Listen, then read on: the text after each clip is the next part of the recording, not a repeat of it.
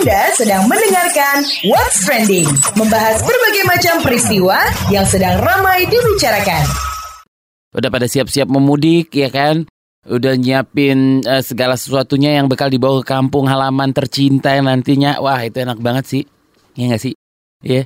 Sudah pada mulai mudik kayaknya mulai besok atau Kamis itu sudah ada pada mudik. Hah, Jakarta sepi sob, ya kan? nah, Kementerian Perhubungan mempertimbangkan untuk memperbolehkan angkutan penyeberangan mengangkut penumpang melebihi kapasitas pada musim mudik 2019. Nah. Jadi itu disampaikan Dirjen Perhubungan Darat Budi Setiadi ketika menginspeksi pelabuhan penyeberangan angkutan Sungai Danau Penyeberangan atau ASDP Banyuwangi ia mengatakan pada puncak arus mudik dan balik dipastikan akan ada penumpukan penumpang di setiap pelabuhan.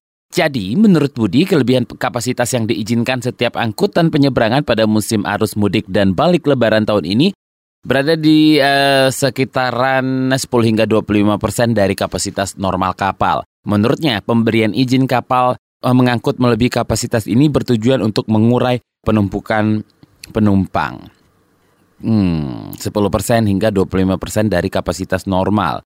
Sekali lagi, ini menurutnya pemberian izin kapal laut mengangkut melebihi kapasitas ini bertujuan untuk mengurangi penumpukan penumpang. Apa aman nggak sih Pak kira-kira? Kita akan ngobrol bersama Direktur Lalu Lintas dan Angkutan Laut Direktorat Jenderal Perhubungan Laut Kementerian Perhubungan Hisnu Handoko. Dan nanti kita akan ngobrol sama pengamat transportasi Joko Setijo Warno. Jadi buat Anda yang mau mudik, stay close. What's Trending? Membahas berbagai macam peristiwa yang sedang ramai dibicarakan.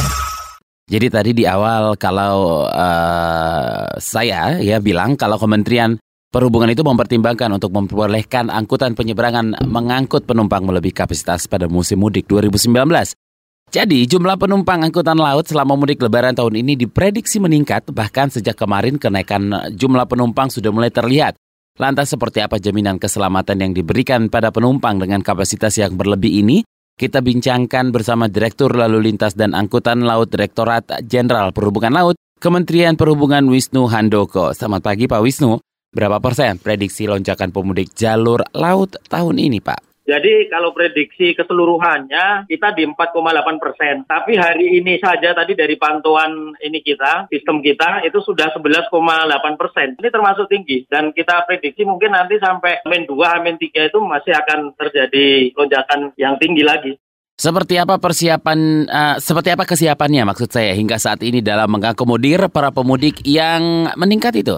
Untuk armada kita kurang lebih kalau seluruhnya mungkin hampir sekitar 3.500 lebih lah armada. Itu terdiri dari yang swasta, kemudian juga kapal-kapal pelni, kemudian juga kapal-kapal perintis. Nah itu di titik-titik yang eh, tahun lalu menunjukkan kenaikan kita tambahkan armadanya di situ. Pertama dengan menambah frekuensi, jadi kita merubah rute seperti itu kita tambah frekuensinya. Kalau ramcek ini dilaksanakan oleh teman-teman di Direktorat Perkapalan yang mempunyai tugas untuk memastikan kondisi kelautan kapal disupport oleh tenaga-tenaga marin inspektor yang ada di sabandar-sabandar kami yang ada di daerah-daerah. Itu di, dilakukan eh, sebelumnya sebetulnya sebelum memasuki masa peak season itu sudah kita lakukan.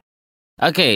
apakah memang bolehkan angkutan dengan kapasitas berlebih 10 sampai 25 persen dari normal untuk melaut dengan izin uh, Dirjen Hubungan Laut atau Syah Bandar setempat nih Pak? Ya, jadi benar ya. Direktorat Perkapalan dibantu dengan sabadar-sabadar yang ada di daerah itu menerima pengajuan uh, dispensasi kelebihan kapasitas. Jadi sebetulnya kalau kapal penumpang itu punya stabilitas lebih bagus. Artinya kalau dia ditambah penumpang itu masih tidak masalah. Yang masalah di kapal penumpang itu sebetulnya adalah ketersediaan alat-alat keselamatan seperti rompi penyelamat, kemudian pelampung. Sepanjang operator kapal, dia bisa menyediakan tambahan alat-alat keselamatan ini karena aturannya kalau di kapal penumpang itu setiap orang penumpang harus dapat jatah rompi life jacket. Jadi itu yang harus dipastikan ada. Kalau tidak ada, kita tidak bisa berikan sejumlah yang diminta. Jadi kalau misalkan bisanya hanya menyediakan tambahan 10%, ya kita kasih 10%. Kalau dia bisa nambah 25%, 25%. Bahkan lebih pun juga tidak masalah. Ditambah 50% juga tidak masalah kalau seandainya memang stabilitasnya masih bagus dan alat keselamatannya ada. gitu ya. Oke, seperti apa jaminan keselamatan terhadap penumpang? Kita memastikan tahun ini kita juga sudah keluarkan surat edaran bahwa setiap penumpang yang naik ke kapal itu harus punya tiket. Jadi tidak ada lagi yang menyelinap-menyelinap tanpa tiket. Karena tiket kita jual secara transparan, berapa kuota yang kita jual, dan itu yang harus dibeli oleh calon penumpang. Karena di dalam tiket itu kan tentunya sudah termasuk biaya asuransi dan sebagainya. Jadi apabila diketahui juga di beberapa titik, tadi soal sudah dapat laporan juga, kalau identitas eh, yang tertulis di tiket itu tidak sama dengan identitas yang di, di KTP, itu ya kita minta turun gitu. Memang menertibkan penumpang kapal laut tidak sesederhana atau seperti yang ada di bandara ya naik pesawat ya. Tetapi kita terus mencoba untuk mengedukasi masyarakat.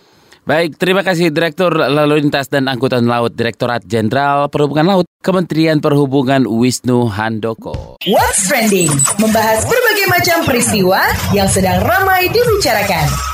Masih bersama Don Brady lagi ngobrolin soal angkutan perairan lebih kapasitas bagaimana jaminan kese- uh, keselamatannya. Kita akan um, ngobrol ya dengan pengamat transportasi Joko Setiowarno. Apakah toleransi kelebihan kapasitas ini lazim adanya?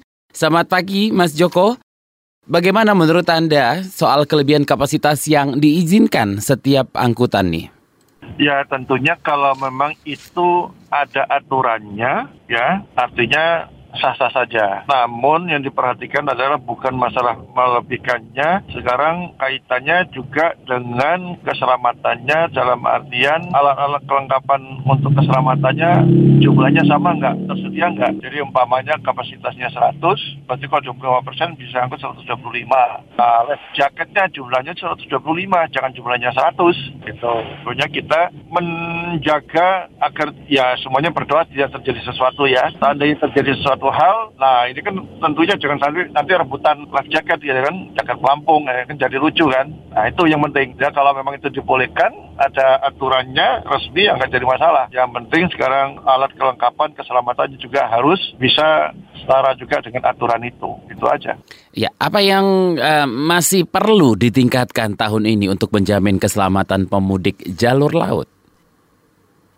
Mungkin lebih cocoknya perairan aja ya. Karena kalau bicara laut hanya laut tapi ada juga yang danau. Seperti tahun lalu kan yang penyeberang jadi perairan ini beberapa kami lihat sudah cukup bagus. Contohnya penyeberangan Merak Bekahuni mereka sudah seperti halnya orang naik kereta api jadi semuanya sudah terdata. Jadi manifestnya sesuai dengan yang tertera di situ dan penumpangnya. Jadi sudah sama lah. Nah tapi apakah daerah-daerah lainnya juga sama? Nah ini menjadi catatan tersendiri. Saya pikir ini perlu pengawasan juga gitu kan ya. Bagaimana semuanya ya meniru aja ya pola yang sudah walaupun masih baru dilakukan oleh uh, PT ASDP untuk lintas Merak Bakahuni. Mungkin katanya nanti yang Ketapang Gilimanuk juga yang sama. Mudah-mudahan ini bukan ASDP juga yang kapal-kapal lainnya ya operator perairan juga harus melakukan hal yang sama juga dan sekarang menjadi tuntutan juga kalau seandainya nanti terjadi sesuatu kecelakaan umpamanya tidak menjadi temuan-temuan yang menjadi persoalan tersendiri bagi pemerintah mungkin karena kurang pengawasan. Oke, okay. nah untuk masyarakat sendiri apa yang perlu dipahami ketika akan menggunakan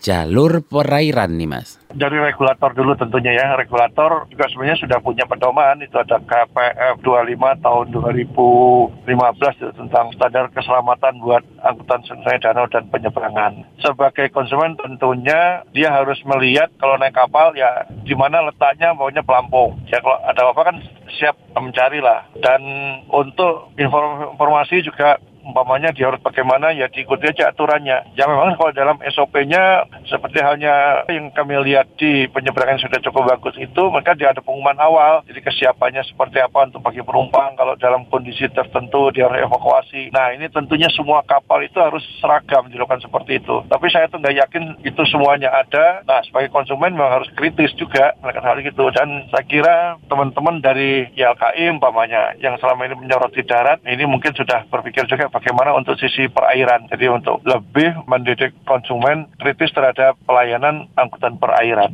Oke, terima kasih pengamat transportasi Joko Setiowarno. What's Trending membahas berbagai macam peristiwa yang sedang ramai dibicarakan.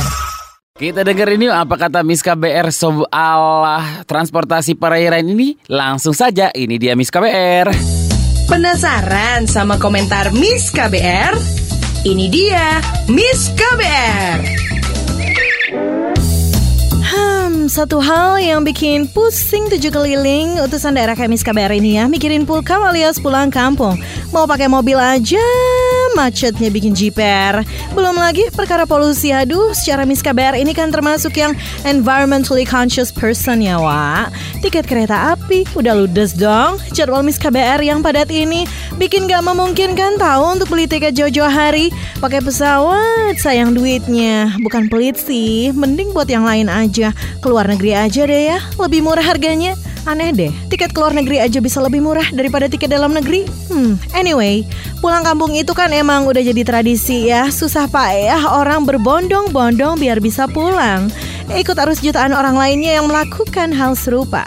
Nah, ini nih, Miss KBR bingung juga nih. Mau merespon atau merasa kayak gimana coba?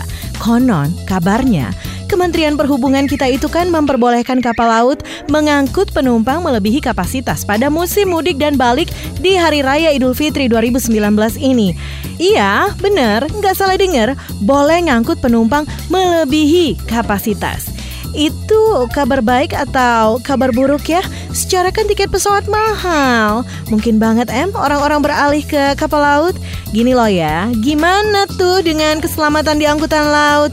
Bukannya angkutan laut itu salah satu moda yang paling sering terjadi kecelakaan?